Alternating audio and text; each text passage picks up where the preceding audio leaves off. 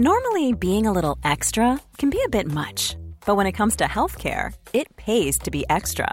And United Healthcare makes it easy with Health Protector Guard fixed indemnity insurance plans. Underwritten by Golden Rule Insurance Company, they supplement your primary plan, helping you manage out of pocket costs without the usual requirements and restrictions like deductibles and enrollment periods. So when it comes to covering your medical bills, you can feel good about being a little extra. Visit uh1.com to find the Health Protector Guard plan for you. Burrow is a furniture company known for timeless design and thoughtful construction and free shipping, and that extends to their outdoor collection. Their outdoor furniture is built to withstand the elements, featuring rust-proof stainless steel hardware, weather-ready teak, and quick-dry foam cushions. For Memorial Day, get 15% off your Burrow purchase at burrow.com slash ACAST and up to 25% off outdoor. That's up to 25% off outdoor furniture at burrow.com slash ACAST. There's never been a faster or easier way to start your weight loss journey than with PlushCare. PlushCare accepts most insurance plans and gives you online access to board-certified physicians who can prescribe FDA-approved weight loss medications like Wigovi and Zepbound for those who qualify. Take charge of your health and speak with a board-certified physician about a weight loss plan that's right for you. Get started today at plushcare.com slash weight loss. That's plushcare.com slash weight loss. plushcare.com slash weight loss.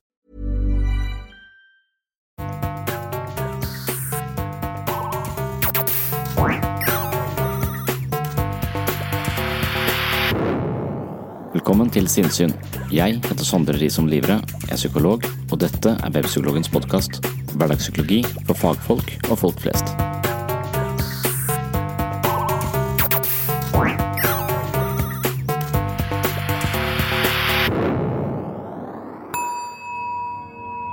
Ikke vær redd. Her har du det trygt og godt. Jeg er her for å guide deg. Hjelpe deg til å nå ditt fulle potensial. Du har alle svarene inni deg. Du må bare fylle ut dette lønnsinntektsskjemaet først. Følger du med, eller? Her har du også et livsgledeskjema, kjøreskjema, sjamposkjema, et generelt brødskiveskjema, kjipt skjema. Du skal få et skjeggskjema, bagskjema, kleggskjema. Tre skjemaskjema i fire eksemplarer. Men la oss se på et helt konkret eksempel. La oss se på Nav-systemet, som jeg tenker er midt i denne problematikken. For hvis Nav-systemet skal eh, innta en mer sånn, eh, hva skal man si, vertikal orientering, så vil de være opptatt av regler, byråkrati og likhet for loven. Sånn at eh, alle mennesker som har sånn og sånn, de skal få sånn og sånn. Har du ikke sånn og sånn, så får du ikke det og det. Så, eh, så det, det, handler om å møte et menneske og så se om de tilfredsstiller noen parametere. Hvis de ikke gjør det, så får de ikke det, og hvis de gjør det, så får de det. Og så er det clear cut, det er helt klare regler for hvem som får hva. Og da vil man, mange føle at de blir eh, depersonalisert. Ikke, ingen ser meg som menneske, ingen ser mine behov. Jeg har bare blitt et tall i systemet. Eh, og du er bare et tall i systemet eh, i en sånn eh, orientering. Men du er også da likeverdig behandla som alle de andre tallene i det systemet. Og så kan man si at det er en kald måte å møte mennesker på, så vi vil ha en mer eh, si, eh, horisontal orientering, altså mer relasjonell orientering. Så den enkelte saksbehandler kan eh, utvise en grad av skjønn, sånn at jeg kan møte deg, kjenne at ja, du har litt ekstra behov her, så jeg gir deg litt ekstra enn det som eh, vi, vi pleier å gjøre, for da tror jeg at du kan komme deg på beina. Og da får vi en mye mer sånn mykere, mer tilpasset innstilling til, eh, til det enkelte mennesket, men vi får trynefaktor som en avgjørende eh, forhold i om du får eh, AAP eller om du ikke får AAP.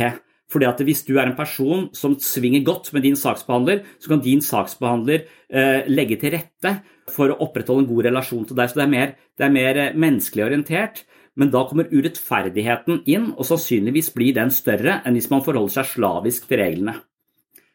Så, så, så, der føler jeg you're damned if you do and you're damned if you don't. Og så må man da finne Det er veldig sånn tydelige eksempler på hvordan de feminine og det maskuline eller, eller det horisontale vertikale er nødt til å finne en eller annen sånn et ekteskap hvor de fungerer godt sammen, sånn at begge disse prinsippene kan uh, være på spill uten at vi får for mye urettferdighet. Da. Hei. Hei. Åge? Det var Åge. Ja, Hei. Hei. Hilde Dahl heter jeg. Åge Hansen. Hei. Skal vi se ble bare kasta inn. Skal vi se. Du har ingen inntekter, men du har- og så har du ikke krav på dagpenger. Eh, nei, altså, eh, Det som er min situasjon, da, Ja. det er at jeg har bodd eh, de siste mm, ja, seks åra i Bergen. Og så fikk jeg jo eh, sosialhjelp der i, i fem-seks år. Eh, så skjedde det plutselig nå for en ja, tre-fire måned, tre, måneder siden at eh, eh, han ene på sosialkontoret i Bergen han var ganske hard, egentlig. Jeg husker ordrett hva han sa. 'Nå må du komme deg i arbeid', sa han. Og da, da fikk jeg helt sånn sjokk, liksom. Um, og flytta til, til Oslo. Um, men hvorfor er du ikke i arbeid? Som er inne på det. Nei, jeg, det, det er ikke min greie, liksom. Jeg har ikke Jeg har ikke lyst til å jobbe, egentlig. Jeg syns ikke det Det passer ikke min eh, tilværelse eller min person å jobbe. Ja, har, du, har du tenkt å gå på sosialstønad resten av livet? Er det det? Ja, det tenkte jeg. Ok. Fordi at sosialstønad er kun en midlertidig løsning. Ja, men det er, det er jo midlertidig fram til um, Fram til jeg skal på eldresenter i når jeg er 85, liksom. Det er bare fram til da. Men altså, du, du kan på en måte ikke belage deg på at du skal gå på sosialstønad frem til da. Fordi at Altså, det er en midlertidig ytelse, sånn at du, så må du prøve alle andre muligheter først. Sånn, eventuelt jobb. Nei, men jeg, altså eh, Jeg vil jo ikke jobbe. Eh, Jeg er livredd for å bli utbrent. Jeg har aldri vært stressa, f.eks. Jeg blir aldri andpusten. Jeg har en veldig sånn rolig tilværelse. da. Ok. Men eventuelt en, en jobb som ikke er sånn som på en måte ikke er så stressende, da. Ja, det har jeg for så vidt prøvd. Eh, Sist gang jeg hadde en jobb, eller den ene gangen jeg prøvde å ha en jobb, det er for ti år siden. Ja. Eh, Da var jobba jeg som sovende nattevakt. Eh, En ukes tid. Mm. Og de to første dagene var for så vidt ålreit, men så merka jeg at dette her begynte å det begynte å gå utover venner, det begynte å gå utover uh, fritid, soling altså Alt jeg liker å gjøre i løpet av en dag. da. Det gikk veldig hardt utover det, så da sa jeg opp den jobben sånn pronto. Ja, dette var en litt in medias eh, race eh, introduksjon til eh, dagens episode, som skal handle om forholdet mellom feminine og maskuline krefter.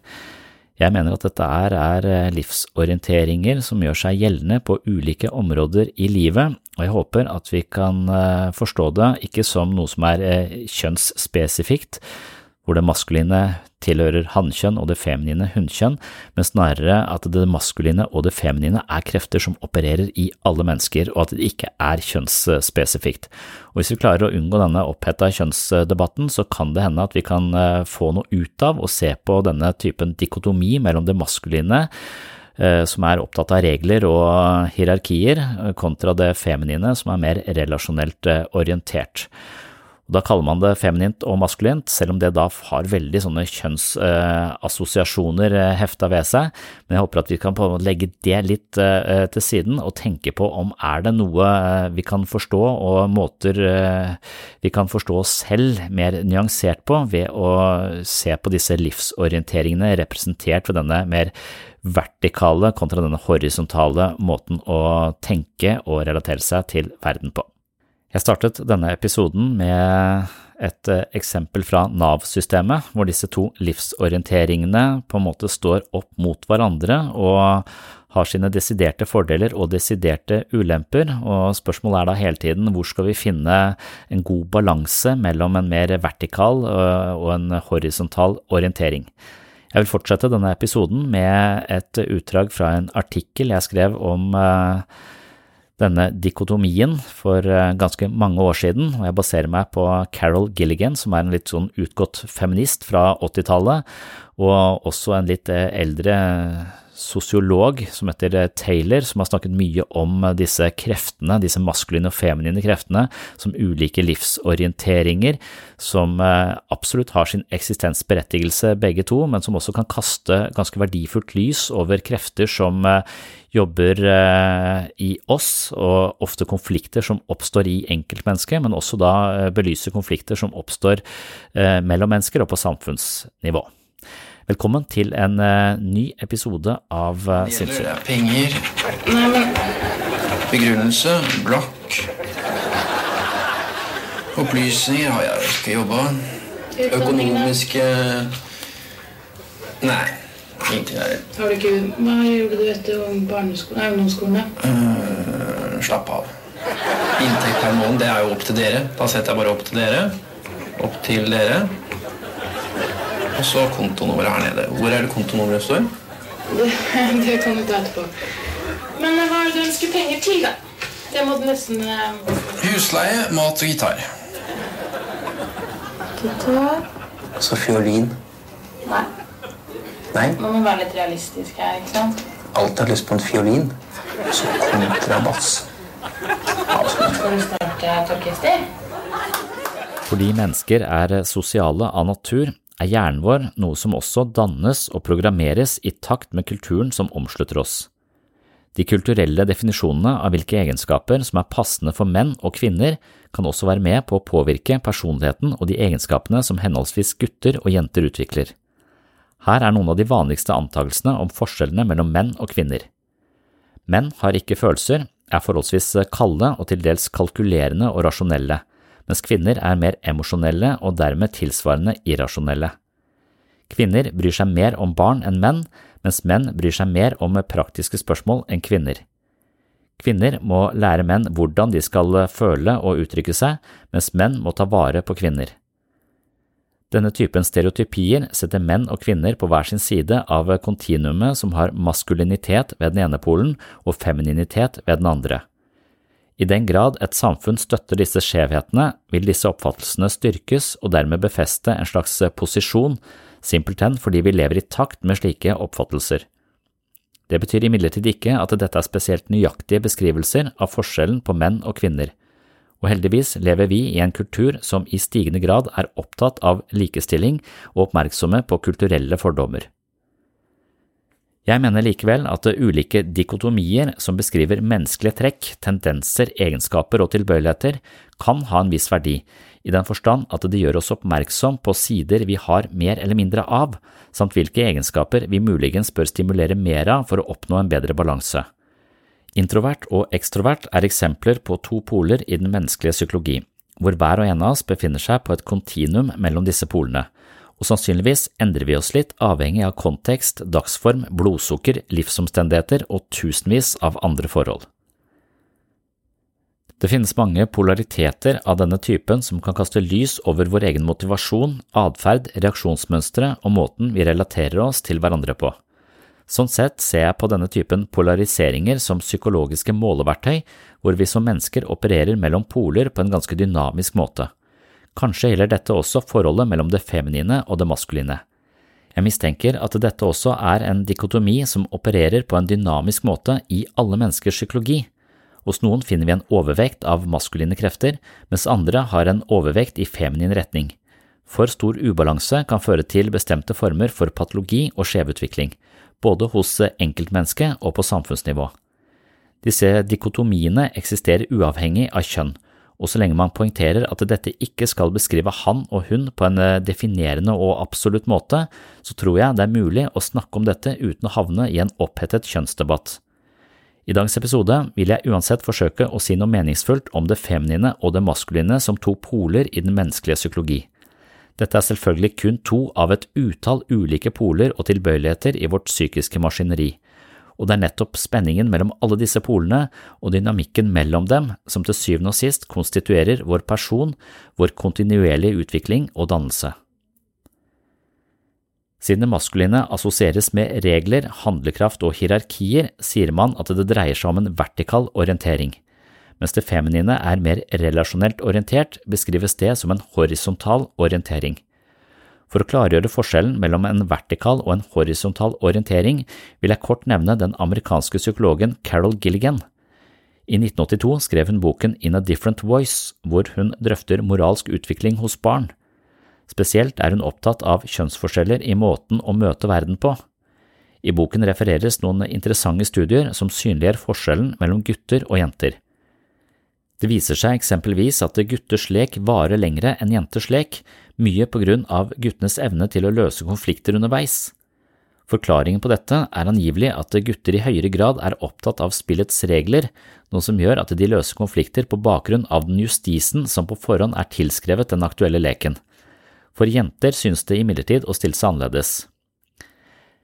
En mulig forklaring på dette er jentenes orientering mot de emosjonelle aspektene ved samspillet.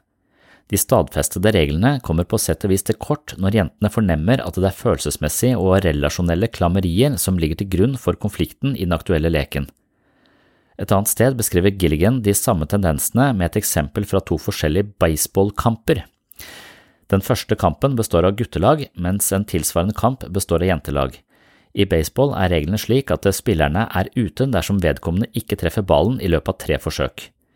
I en situasjon hvor en gutt bommer tre ganger og deretter begynner å gråte fordi han mislykkes, blir gjerne de andre lagkameratene stående og vente på at han skal flytte seg slik at nestemann kan komme til. De er altså tydelig opptatt av reglene som slår fast at et tre bomskudd betyr slutten for den aktuelle spilleren i denne omgang. Når man observerer jentene i samme situasjon, er tendensen noe annerledes. En jente som begynner å gråte etter tre bomskudd, får gjerne en ny sjanse fordi hun øyensynlig blir så lei seg. Jentene går altså på kompromiss med reglene for å ivareta de emosjonelle og relasjonelle aspektene ved spillet. Dette illustrerer altså den maskuline og vertikale orienteringen hos gutter, til forskjell fra den feminine og relasjonelle orienteringen hos jenter. Dette handler selvfølgelig ikke om absolutte kategoriseringer, men om generelle tendenser i forholdet mellom kjønn. Psykoanalytisk sett vil man forklare denne forskjellen som en følge av forskjellige modningsprosesser hos gutter og jenter. Gutters modningsprosess er betinget av separasjon fra moren for å utvikle maskulinitet og selvstendighet, mens jenters utvikling ikke er avhengig av en tilsvarende separasjon for å utvikle sin kvinnelige individualitet. Dette betyr grovt sett at maskulinitet defineres i kraft av separasjon og selvstendighet, mens det feminine defineres i kraft av tilknytning, noe som videre kan anstifte en underliggende frykt for intimitet hos gutter og en underliggende frykt for separasjon hos jenter. Av den grunn kan man anta at gutter finner sin største utfordring når det kommer til intime forhold, mens jenter har sin største utfordring i forhold til egenrådighet og selvstendig livsførsel. Gilligan er først og fremst en røst som taler for feministbevegelsen, og i bokens innledning kommer hun med en skarp kritikk av et samfunn som favoriserer de maskuline egenskapene. Gilligan kritiserer tidligere psykologer og forskere som har implisert at jenter må lære seg guttenes spilleregler for å lykkes i samfunnet. Ifølge Gilligan er det en alvorlig degradering av de feminine verdiene, og hennes agenda er å skape mer rom for emosjonell tilknytning som sentral verdi i det menneskelige tilværelsesprosjektet. På mange måter er de feminine aspektene best representert på det man kaller et eh, postmoderne eksistensnivå som nettopp bygger på et egalitært verdigrunnlag. Når jeg leser eh, Gilligan, så får jeg litt sånn eh, fornemmelse av en slags utdatert feminisme. Hun legger disse feminine og maskuline egenskapene på kjønn, og jeg tror nok vi i dag er villige til å se disse som krefter som bor i enkeltmennesket, uavhengig av kjønn. Og det kommer ikke så godt frem når jeg presenterer det på denne måten, men jeg er ganske sikker på at eh, vi er i ferd med å befeste en type likestilling hvor vi innser at de store forskjellene på det feminine og det maskuline faktisk eksisterer, men at de eksisterer som krefter i enkeltmennesket og ikke er betinget av, av kjønn. Du kan helt klart finne ulike eh, kjønn som har en overvekt eller en undervekt av disse kreftene i seg, og dermed også får ulike typer patologier. For det er nok denne, nettopp denne balansen mellom å være opptatt av en mer si, tilknytningsorientert eh, verdimodus, eller en mer relasjonell eh, modus, kontra en mer sånn regelstyrt og hierarkisk modus. Altså begge deler har en verdi, og begge deler trenger vi for å kunne orientere oss eh, i verden. Derfor synes jeg det er interessante dikotomier, men jeg vil ikke være enig med Carol Gilligan, som ofte legger dette her på, på kjønnsforskjeller. Så kan man også se på denne dikotomien på et sånn samfunnsmessig nivå, og der har sosiologen Jordan Rattatty Taylor, eh, som er en forfatter, og han har spesialisert seg på historikk og sosialvitenskapelige studier, som utgangspunktet for tolkningen av nye trender i samfunnet. Blant annet har han en teori som henspiller på forholdet mellom maskuline og feminine krefter i samfunnslivet. Han mener at eh, forskjellige samfunn og sivilisasjoner har pendlet mellom en maskulin eller en patriarkalsk orientering og en mer moderlig og omsorgsfull orientering. Han betrakter dette som to grunnleggende og til dels motstridende livsorienteringer som utkonkurrerer hverandre i forhold til innflytelse i den sosiale sfæren. I denne forbindelse lister han opp livsorienteringenes forskjellige karaktertrekk. Da skal jeg se, altså, her, her lister han uh, Rattery Taylor opp uh, det han mener kjennetegner det feminine prinsippet, i motsetning til det som kjennetegner det maskuline prinsippet. Så her er det to kolonner hvor vi har det feminine på venstresiden og det maskuline på høyresiden. Jeg skal se om jeg klarer å gi dette her mening bare ved hjelp av lyd. Men det første punktet i den feminine eh, kolonnen dreier seg om eh, toleranse i forhold til sex, mens det motsvaret i den maskuline kolonnen er da restriktiv i forhold til sex. Og det feminine handler om frihet for kvinner, mens det maskuline begrenser frihet for kvinner. I det feminine så har kvinner høy status, eh, og motsatt da kvinner med lav status i et mer maskulint orientert samfunn. Så har man avholdenhet er eh, ikke verdsatt, mens avholdenhet er verdsatt i et mer sånn autoritært og maskulint eh, system. Det feminine er egalitært, mens det maskuline er autoritært. Det feminine er progressivt og nyskapende, mer lekent, mens det maskuline er konservativt. Det feminine er åpen for forskning og ny viten, mens eh, det maskuline kan ha en mistillit til forskning og, og ny kunnskap. Det feminine er spontant og kreativt, mens det maskuline kan være mer forknytt. Eh, I det feminine orienteringen så vil kjønnsforskjeller minimaliseres og tones ned, mens eh, det maskuline vil eh, tone opp og være opptatt av kjønnsforskjeller. Normally being a little extra can be a bit much, but when it comes to healthcare, it pays to be extra. And United Healthcare makes it easy with Health Protector Guard fixed indemnity insurance plans. Underwritten by Golden Rule Insurance Company, they supplement your primary plan, helping you manage out of pocket costs without the usual requirements and restrictions like deductibles and enrollment periods. So when it comes to covering your medical bills, you can feel good about being a little extra. Visit uh1.com to find the Health Protector Guard plan for you. Many of us have those stubborn pounds that seem impossible to lose, no matter how good we eat or how hard we work out. My solution is PlushCare. PlushCare is a leading telehealth provider with doctors who are there for you day and night to partner with you in your weight loss journey. They can prescribe FDA-approved weight loss medications like Wagovi and Zepbound for those who qualify. Plus, they accept most insurance plans. To get started, visit plushcare.com slash weight loss. That's plushcare.com slash weight loss. Hiring for your small business? If you're not looking for professionals on LinkedIn, you're looking in the wrong place. That's like looking for your car keys in a fish tank. LinkedIn helps you hire professionals you can't find anywhere else, even those who aren't actively searching for a new job but might be open to the perfect role. In a given month, over 70% of LinkedIn users don't even visit other leading job sites. So start looking in the right place. With LinkedIn, you can hire professionals like a professional. Post your free job on linkedin.com slash people today.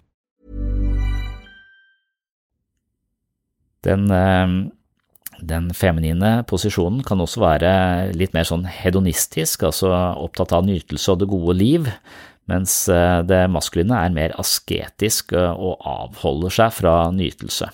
Og dette er da altså grove generaliseringer, men altså helt ulike eh, innfallsvinkler til forståelsen av, av, livet, som da representeres da i det han kaller feminint, et feminint prinsipp kontra et maskulint prinsipp, som rett og slett da handler om en horisontal eller en vertikal orientering horisontal, fordi horisonten er flat. Det handler om eh, forholdet mellom mennesker, opptatt av relasjon. Mens eh, vertikalt, det er mer hierarkisk, det er ting som er eh, over hverandre, og de er opptatt av regler og, og orden. Dette kan også gi enklang i det man kaller for kaospatologi og ordenspatologi. På den ene siden så er det åpent og interessert, lekent og kreativt, men også kanskje litt grenseløst, og man kan forsvinne i, i kaos. Mens eh, på ordenssiden så har man orden i sysakene, men det kan bli så mye orden at man ikke klarer å nyte livet i det hele tatt. Så det er altså en annen måte å forstå dette forholdet eh, på, som her kalles feminint og maskulint, men som i andre eh, teoretiske sammenhenger kan forstås som det, det kaotiske kontra det mer ordenspregede. Så i Norge, det er altså et land med en regjering tufta på sosialdemokratiske prinsipper, da for å se litt mer på hvordan disse kreftene spiller seg ut i samfunnet rundt oss.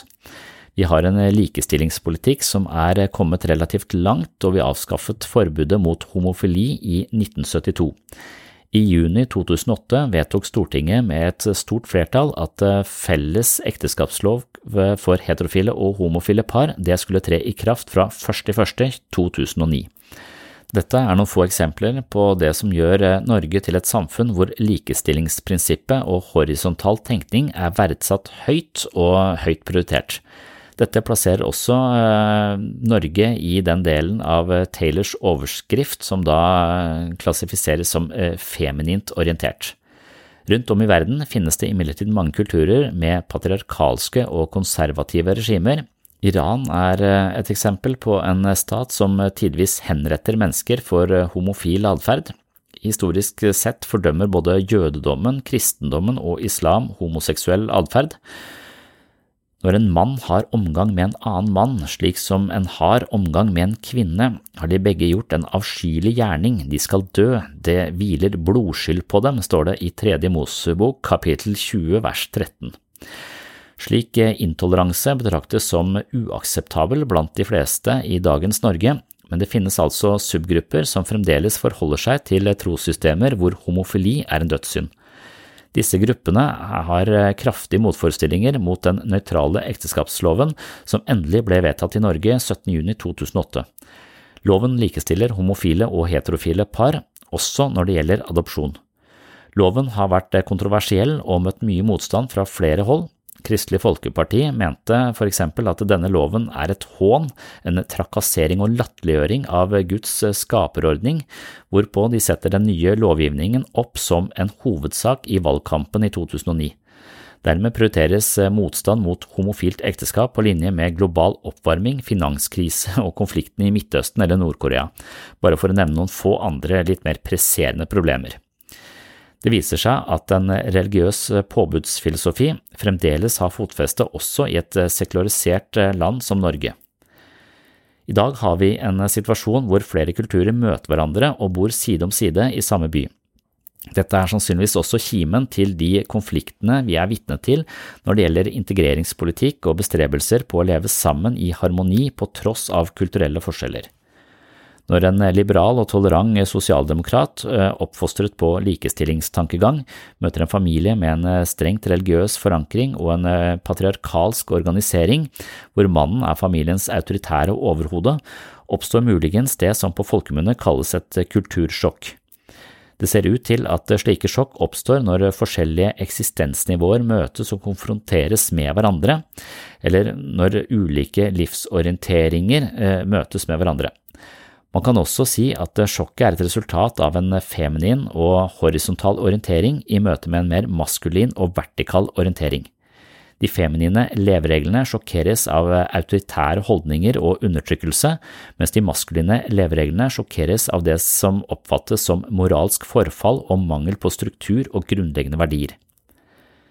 Det finnes eh, mange områder i livet hvor det er hensiktsmessig å forholde seg til regler og rangeringer for å hanskes best mulig med en situasjon. Det finnes også mange områder hvor emosjonell intelligens og relasjonsskapende tiltak er særdeles hensiktsmessig. Med andre ord finnes det fordeler og ulemper både på den feminine og den maskuline siden i Taylors eh, oversikt, og akkurat det er altså da tema i dagens eh, episode. Kanskje ble dette her litt eh, vanskelig å, å følge, og kanskje ble det litt eh, knyttet til kjønn på en måte som, eh, som virker gammeldags og utdatert. Men poenget er altså at det, jeg prøver å si at det finnes ulike livsorienteringer, og det å forstå disse polene i den menneskelige syke mellom det å forholde seg til regler og det å forholde seg mer til relasjon, det kan være en måte å forstå eh, sine indre konflikter på, men også konflikter eh, mellom eh, enkeltpersoner eller konflikter på et eh, samfunnsnivå. Så det følgende skal jeg prøve å belyse dette her eh, litt mer med et utdrag fra en eh, refleksjonsrunde som altså handler om eh, forholdet mellom det feminine og det maskuline, og da igjen ikke forstått som forholdet mellom mann og kvinne, men forholdet mellom ulike drivkrefter i enkeltmennesket. Så da går vi over til et lite utdrag fra denne refleksjonsrunden om Eh, forholdet mellom det feminine og det maskuline. Hvis man liksom bare kan, eh, kan, møtes på et sted hvor man sier at alle mennesker har feminine og maskuline krefter i seg, fordi at det representerer to ulike strategier og holdninger i, i møte med livet, hvor vi sannsynligvis veksler litt mellom den ene og den andre. Og så er da spørsmålet for begge to ivaretar jo viktige dimensjoner ved livet, både det feminine og det maskuline. Så på en eller annen måte så må man eh, finne en slags samhandling mellom de to kreftene i seg selv og i seg selv i møte med andre. Eh, som eventuelt har eh, overvekt eller undervekt av de ulike, som har en annen balanse enn deg da, i møte med disse, disse kreftene. Også, også for, da, for å redegjøre for hva det feminine og det maskuline står for, så syns jeg hun Carol Gilligan Jeg husker, husker, ikke om hun var nevnt i den podkasten, men det er en sånn gammel feminist som som studerte dette ganske mye, altså forholdet Eller hun studerte jo egentlig Hun skrev inn A Different Voice, så hun ønsket vel egentlig å skrive en slags forsvar for feminine krefter. Og så, poengterte hun også, også, de ulikhetene og hvordan de har en viss verdi i begge deler. Og et av de studiene som, som er kjente, er dette med denne baseballstudien som, som jeg vet vi har snakket om tidligere, men det er ikke sikkert dere var her da. Men eh, Carol Gilgan hun, hun, mener, hun har gjort bl.a. en studie hvor, hun, eh, hvor hun, poengterer at gutters lek kan vare lenger enn jenters lek, fordi at gutter håndterer konflikter med referanse til reglene i leken som er avklart på forhånd. Så gutter løser problemer i større grad på bakgrunn av justis, mens eh, eh, jenter i større grad er opptatt av følelsesaspektene da, i, Eh, i en situasjon. Det er, det, men det er en gammel bok, ikke sant? så hun, hun sier jenter og, og, og, gutter. Og det kan godt være, som jeg også har vært inne på før, at vi, vi blir stadig likere, for det er et ideal om likestilling. Så nå er det mer kanskje to krefter og de maskuline og feminine kreftene som eventuelt kultiveres mer eller mindre av, eh, av de stimulene vi har, har, rundt oss. Jeg er åpen for det, for for det perspektivet også. Eh, men så istedenfor å kalle det jenter og gutter, kan det i denne sammenheng sier feminine og maskuline, maskuline, krefter. Men de feminine kreftene tenker man da har en slags horisontal orientering. og Det betyr at man er opptatt av følelser og relasjon og tilknytning. Mens det, det maskuline har en vertikal orientering som da er opptatt mer av regler og, og justis. Og Et av de studiene som, som, som er gjort på, på dette, handler om dette med baseball, hvor man når man spiller baseball, så kan man slå tre ganger, og så er man, eh, så er man ut. Hvis man bommer tre ganger, så, er man ut. Man må treffe Jeg kan ikke reglene i baseball, men det er i hvert fall sånn det er. Og da kan man godt se at en gutt står og prøver og bommer tre ganger og blir lei seg, men de andre sier 'flytt deg, nestemann skal slå'. Du har bomma tre ganger, reglene sier du skal ut. Og så må vedkommende da stille seg bakerst i køen, eller vet ikke hva, hva man gjør når man bomma tre ganger. Men hvis man observerer eh, det feminine kreftene i samme situasjon, så har de en tendens til å se at nå er den personen blitt veldig lei seg, hun får et ekstra slag. Og da ivaretar man på en måte følelsen til eh, den eh, personen som har bomma tre ganger, men man driter i reglene. Og dermed så er faren for å få litt mer intrikate problemstillinger inn i baseballen til stede. For da, da, begynner vi plutselig Hvem skal få ekstraslag, hvem skal ikke få ekstraslag? Så til slutt så kan det da ende i en form for uh, at leken avbrytes på et tidligere tidspunkt, fordi det blir litt mer kaotisk. Og det er litt vanskeligere å orientere seg etter de, etter de, de prinsippene. Så, så, så, kan man liksom nesten sagt eh, se på kulturer, se på enkeltindivider, se på, uh, se på hele samfunn, uh, i, i, hvor stor grad det er en overvekt av maskuline eller feminine krefter. Og så kan man kanskje se på at det, at det er veldig viktig at disse kreftene opererer sammen, at det ene er ikke noe bedre enn det andre. Men uh, feminismen har jo sagt at, uh, at uh, samfunnet er bygd opp på en sånn måte at det, det verdsetter det, det, maskuline, det hierarkiske, regelstyrte i større grad enn det relasjonelle og emosjonelle. Da. Så, så En som heter Taylor, en Rattari Taylor, som er en sosiolog, han har, han har gitt noen sånne stikkord, husker jeg på forholdet mellom feminine prinsipper og maskuline prinsipper. Da sier jeg at De feminine prinsippene altså de er tolerante i forhold til sex, mens det maskuline er restriktiv i forhold til sex. Også frihet eh, og det feminine har stor grad av frihet for kvinner, mens det maskuline begrenser frihet for kvinner. Eh, kvinner har høy status i de feminine eh, kulturene, mens kvinner har lav status i de maskuline kulturene. Avholdenhet er ikke spesielt verdsatt i de feminine, mens avholdenhet, avholdenhet er, er, verdsatt i de, i de maskuline eh, kulturene. Så, så, det er litt sånn Apollon og Dionysus også. Dionysus er denne guden for, det, for, fest og moro og følelser og begjær, mens Apollon er denne rasjonelle og skal stå for måtehold og være forsiktig og ordentlig og, og, og så videre. Så det feminine er jo mer progressivt og nyskapende, mens eh, det maskuline er mer konservativt. Altså, eh, og det feminine er mer åpent for eh, ny viten og forskning, det er mer spontant, mens eh, i det maskuline så er det mer mistillit til ny viten, og det er mer forknytt. I de feminine prinsippene så vil kjønnsforskjeller minimaliseres, mens i det maskuline så vil kjønnsforskjeller sterkt betones. Og i det feminine så er det frykt for incest, mens i det maskuline så er det frykt for homofili. Og så, så når, når, vi tenker på maskuline kulturer, så er IS liksom så nærliggende eh, å tenke på regler, avholdenhet. Så, så, så Apropos de VR-brillene, så var jeg i Mosul i, i, går igjen og ble tatt med rundt i Mosul, som er denne byen i Irak som er helt totalt ødelagt. Det har jo vært eh, eh krig der eh, siden i perioden mellom 2014 og 2017. Eh, og da kom vi til et sted som var helt bomba. Altså, her, her kasta IS homofile ned fra taket. Uh, og så sto folk og så på på plassen her. Så, så de drepte da uh, homofile på en sånn halvveis måte for å kaste de ned fra et, fra et tak, for så pla... Ja, helt forferdelig. Så da, da, tenkte jeg litt på denne, denne enorme, uh, voldsomme maskuliniteten som var i den, det IS-regimet der, der, sånn.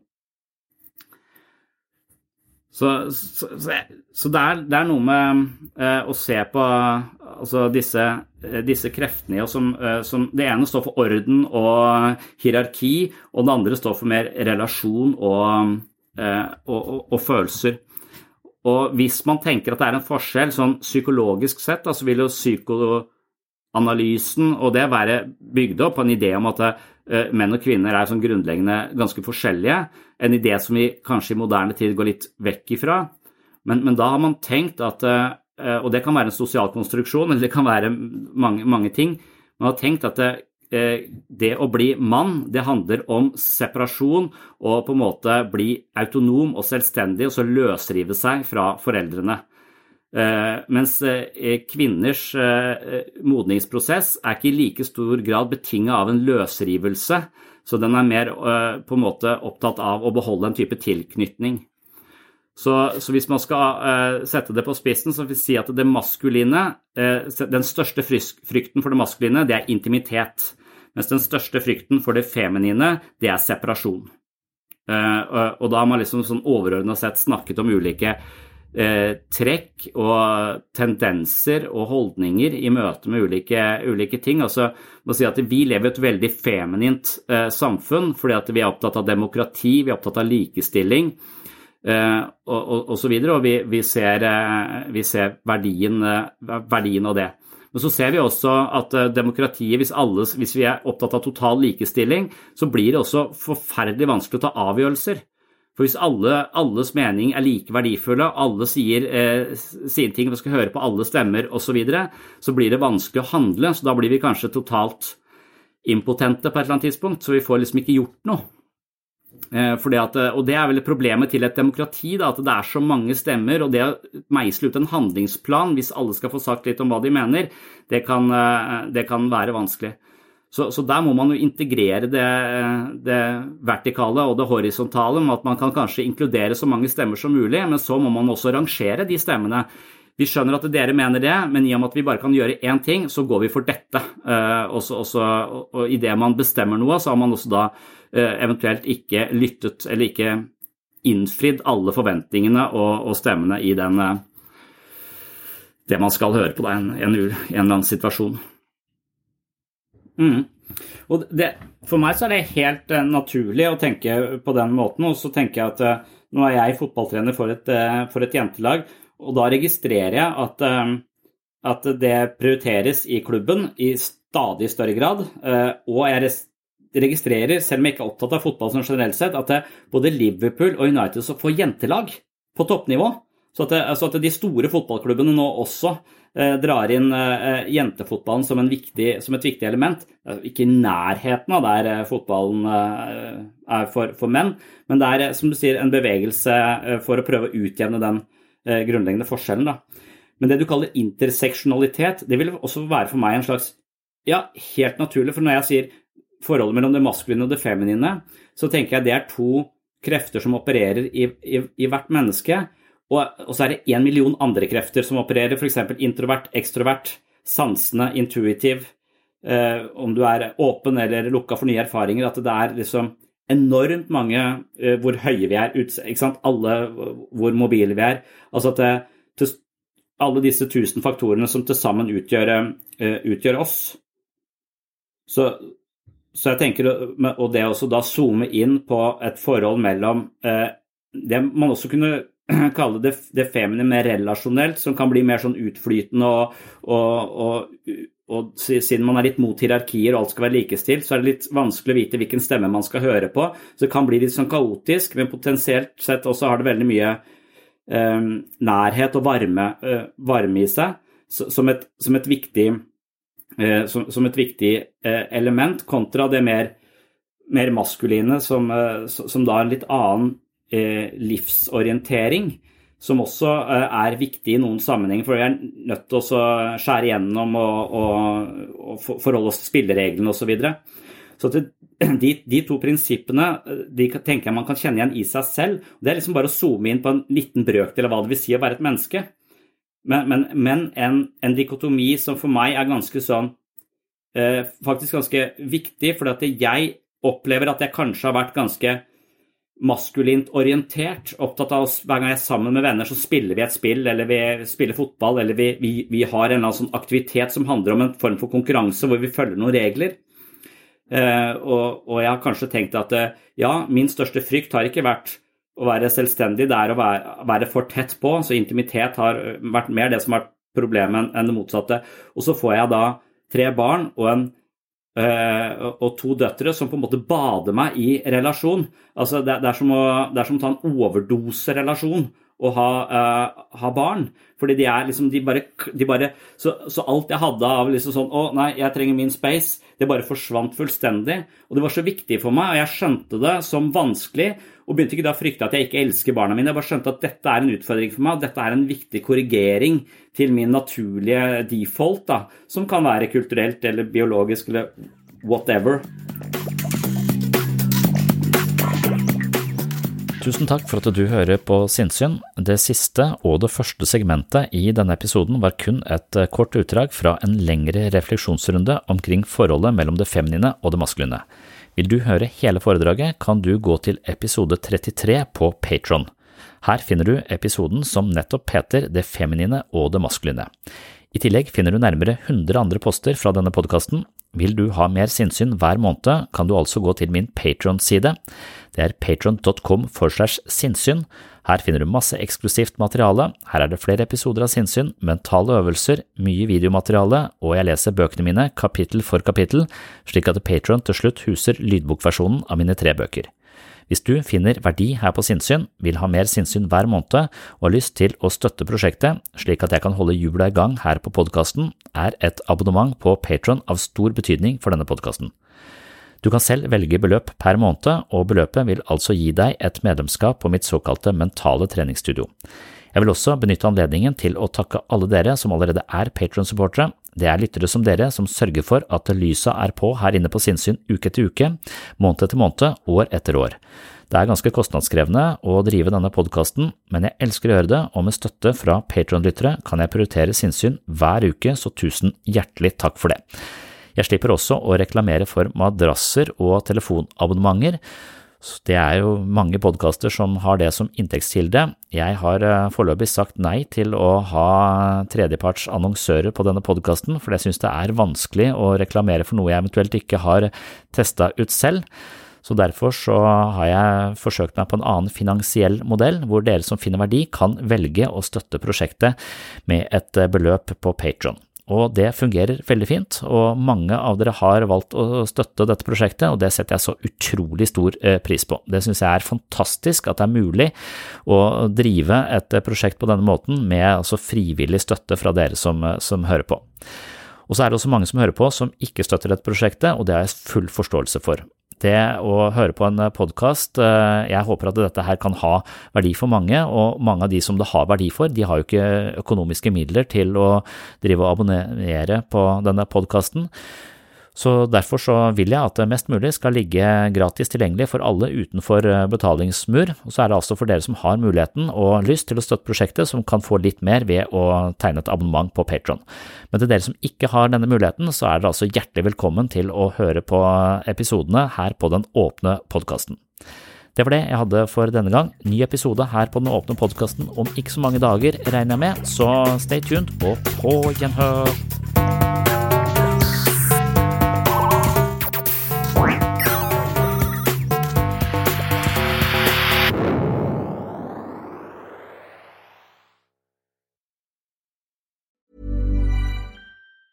Mom deserves the best, and there's no better place to shop for Mother's Day than Whole Foods Market. They're your destination for unbeatable savings, from premium gifts to show-stopping flowers and irresistible desserts. Start by saving 33% with Prime on all body care and candles. Then get a 15-stem bunch of tulips for just $9.99 each with Prime. Round out Mom's menu with festive rosé, irresistible berry chantilly cake, and more special treats. Come celebrate Mother's Day at Whole Foods Market. Normally, being a little extra can be a bit much, but when it comes to healthcare, it pays to be extra.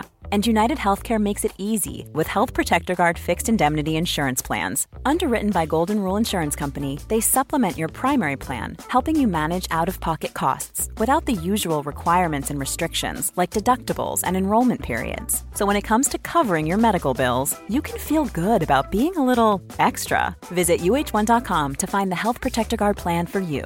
Mom deserves the best, and there's no better place to shop for Mother's Day than Whole Foods Market. They're your destination for unbeatable savings, from premium gifts to show-stopping flowers and irresistible desserts. Start by saving 33% with Prime on all body care and candles. Then get a 15-stem bunch of tulips for just $9.99 each with Prime. Round out Mom's menu with festive rosé, irresistible berry chantilly cake, and more special treats. Come celebrate Mother's Day at Whole Foods Market.